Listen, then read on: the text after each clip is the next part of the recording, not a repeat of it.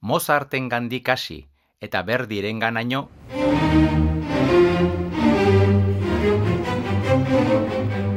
eta ezinezko notaren mitotik, Ana Bolena eta bi bizitza paraleloetara. Toskatik, maitasuna eta politikatik igarota.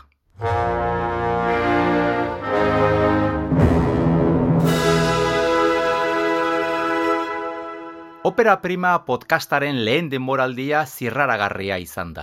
Eta ez dakit nota altuenera iritsi ote garen, baina ziurtasunez esan dezaket ederki pasa dugula. Eta bide batez, lezio garrantzitsu bat ikasi dugu. Amodioa eta opera beti eskutik doaz. Enrique Bert naiz eta kapitulo honekin itxiko dugu Opera Prima podcastaren lehen denboraldia.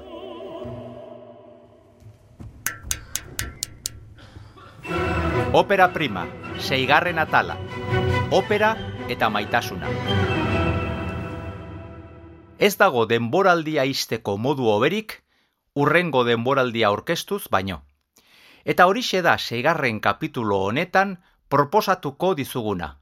Abao Bilbao operak 2008-2008 lau sasoirako, operaren munduan oso ezagunak diren bost obra hautatu ditu, eta guztiak maitasunaren lokarriarekin lotu genitzake.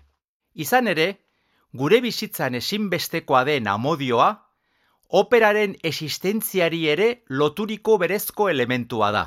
Onartuz, beti ere maitasunak aurpegi asko dituela, eta hain zuzen, denboraldi berrian ezagutuko ditugun bost obra hauetan, amodioaren bost aurpegi ezberdin azalduko zaizkigu oholtza gainean.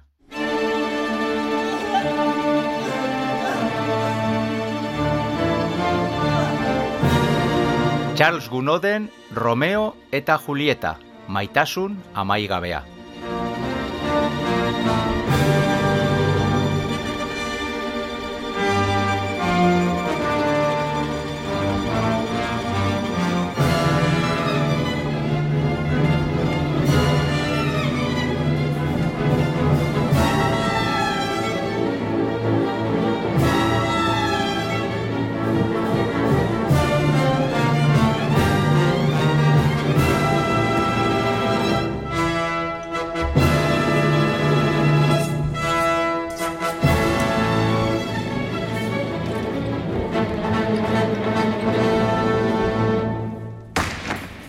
Eta hogeita iru, eta hogeita lau denboraldia, amodioaren historiaren bikote emblematikoetako batekin hasiko da.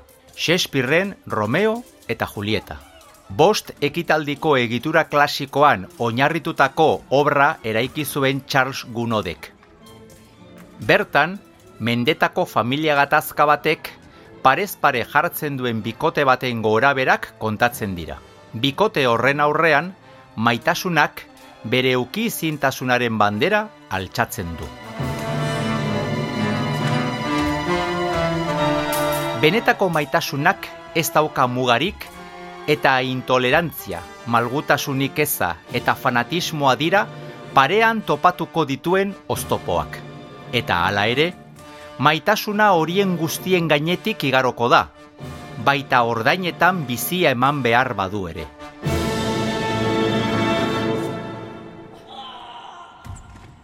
Azkenean, Romeo eta Julieta hil egingo dira, elkarren ondoan. Gunoden musikak beraien maitasunaren ilezkortasuna iradokitzen digun bitartean. Beraien maitasuna betirako izango da.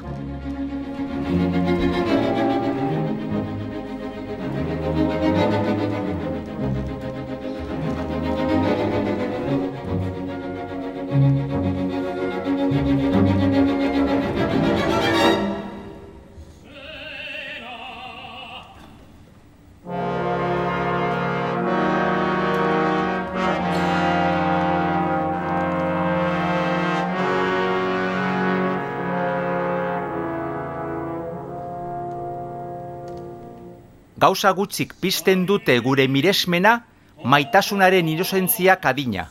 Maitasun desinteresatua, eskuzabala eta askotan burua galtzera eraman saitzakeena.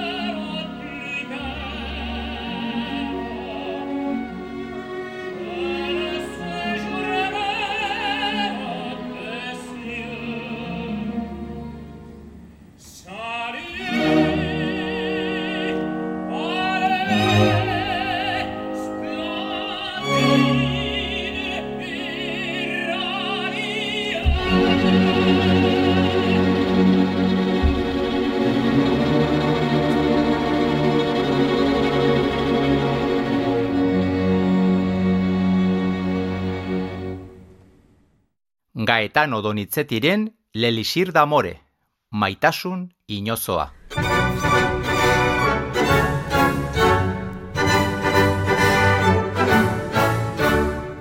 Nemorinok adina maite du, eta honek itxurasko asolagabekeriaz zigortzen du bere maitalea.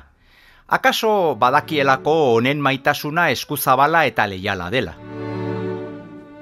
Adina apetatxu honek jartzen dion zigorra herrira iritsi berri den militar batekin egingo duen eskontza da. Ustezko eskontza honen helburu bakarra, etxipenak jota dagoen nemorinoren jelosia eragitea da. Jende pobre eta ikasigabea engainatuz, herri herri ibiltzen den azokako berritxu batek, txampon batzuk ateratzeko aukera ikusiko du. Nemorinoren fede hautsi zeinean, maitasunaren ustezko elixir bat probatzeko aukera emanez honi. Horrekin, Nemorino mozkortzea eta armadan txampon gutxi batzuen truke izena ematea besterik ez du lortuko. Halako perseverantziak unkiturik, azkenean bere bizilagun xalo eta sintzo horrengan, bere bizitzako maitasuna topatuko du adinak.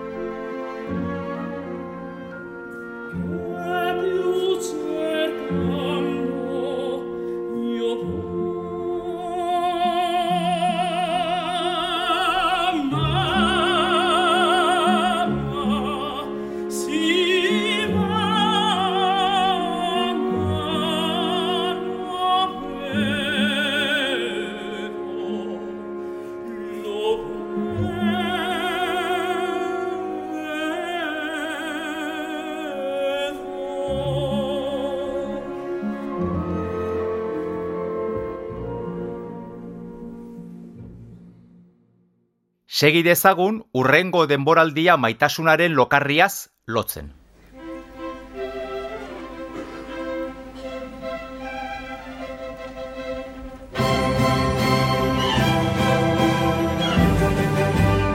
Die Intfugun aus den Zerrail, haren batetik baiketa, Wolfgang Amadeus Mozartena. maitasun bortxatua.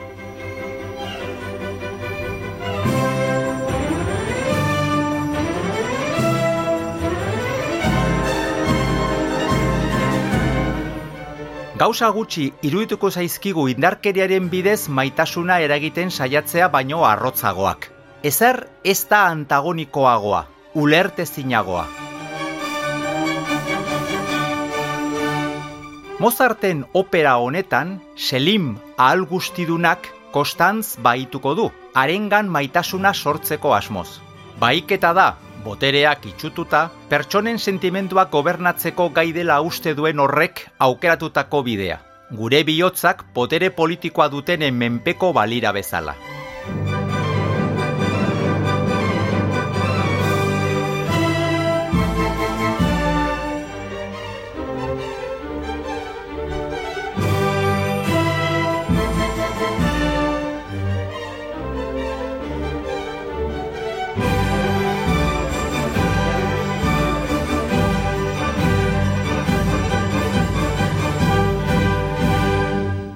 Konstantzek, ordea, leialtasuna dio aspalditik bere maitearen bila itsasoak zeharkatzen dituen nobleari, Belmonte maiteari. Zirkustantziek eta egoerak eramanda elkar topo egingo dute. Eta atxekabe guztiak gorabera, tortura, sufrimentu eta mehatxuak gorabera, Selimek ez du lortuko Konstantzek maitasun hitz bakar bat esatea. Azkenik, nolabaiteko eskuzabaltasun ekintza batean, gazteen arteko harremana onartuko du. Maitasuna, berea bezalako jarrera tiranikoen bortxapean, ezingo dela inoiz harreman orekatua bihurtu onartu beharko du. Horrela, maitaleak beren lurraldera abiatzen ikustearekin konformatuko da.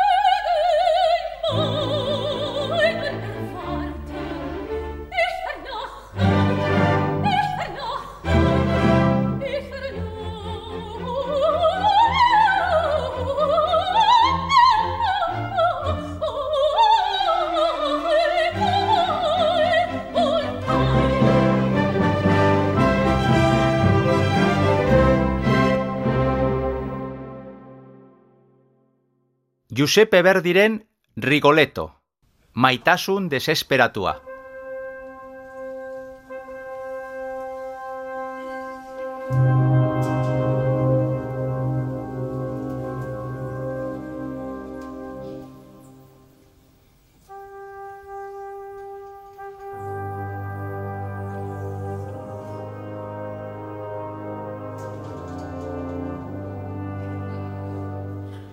Opera gutxik ezagutu dute agertokietan eta denboran zehar Rigoletok bezain ibilbide bikaina.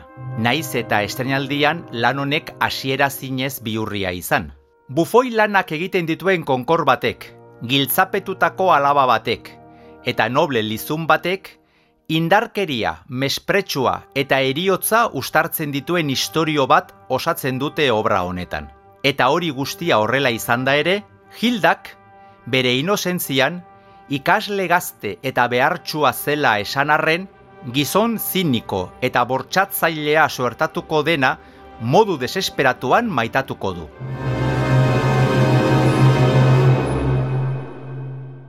Merezi ez duenari, bere bizitza emango dion eskarmenturik gabeko emakume baten maitasun desesperatua da. Aitaren, Rigoleto konkorduraren negarren artean. Gorteko bufoi gisa maitasunari eta aitatasunari buruz egin dituen isekak, bere zorigaitzaren atariko izaten amaitu dutela konturatu baita.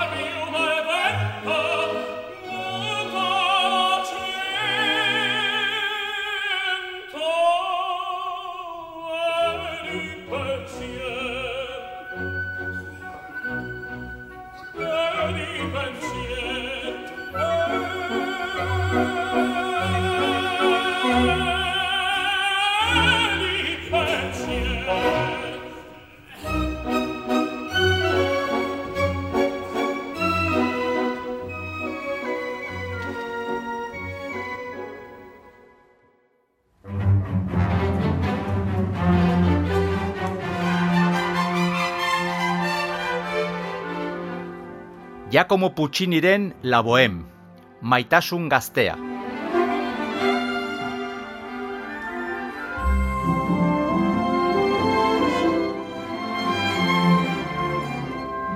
Bereinkatua, bizitzako ia arlo guztietan amaika estropezu egiteko aukera ematen dizun gaztaroa. Baita maitasunean ere. Urteak bete ala, irribarre baino ezin duzu egin pasiozko maitasun sutsu konplexu eta mugarik gabean murgildutako gaztaroa ikustean. Garai horietan, beti pentsatzen duzu lasaitzeko garaia iritsiko zaizula. Baina zure gorputza eta espiritua, gazteak diren bitartean, maitasunera jotzen duzu parasutik gabe, bertigori gabe.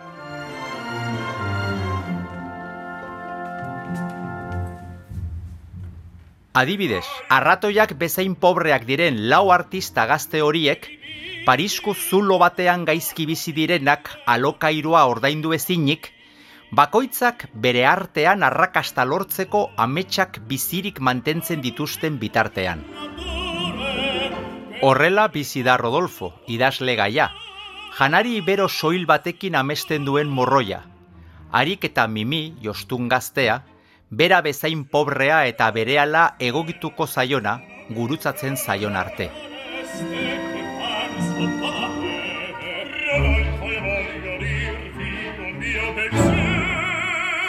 Maitasuna sortu da. Hasierako txinparta ikusiko dugu. Lehen opariak eta jaiak, geroko jelosia, harremana isteko aleginak, miseria ekonomikoa eta ilusioaren galera ezagutuko ditugu pobrezia horrek berak mimi eriotzeraino eraman arte. Orduan bakarrik onartuko du Rodolfok, mimik arnasarik hartzen ez duela ikusita, berarekin batera joan zaiola gaztaroaren zati haundi bat.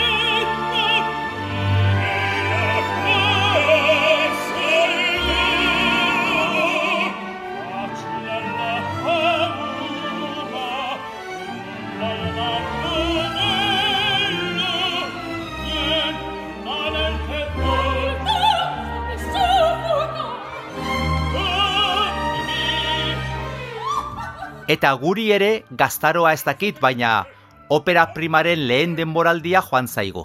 Ez ordea inolaz ere maitasuna. Operarekiko maitasuna baita, entzule maiteok, podcast honen funtsesko oinarria. Urrengo denboraldiaren zain geratuko gara beraz, izan ere badakizue, benetako maitasuna betirako da edo ez da. Adio, Manon Tropo.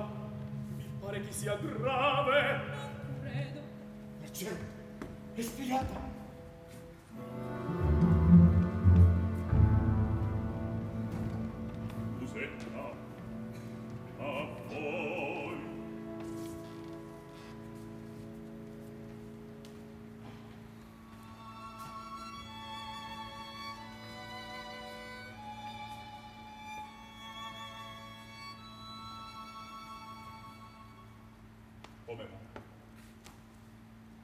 Vedi? Tranquilla. Che vuol dire quell'andare e venire? Quel guardarmi così? Coraggio!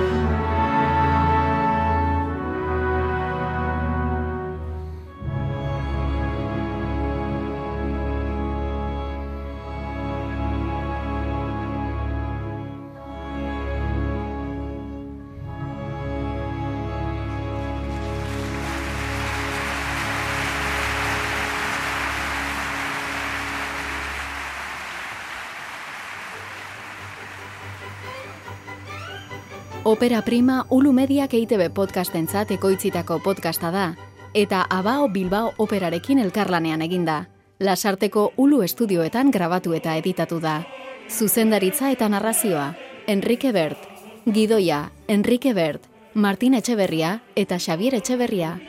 Soinu diseinua, Jon Gartzia eta Oier Arantzabal. Arpidetu eta entzun Opera Prima EITB podcasten, edo audioak entzuteko darabiltzun dena delako plataforman. Ei, txt, entzun hori. Ulu Media.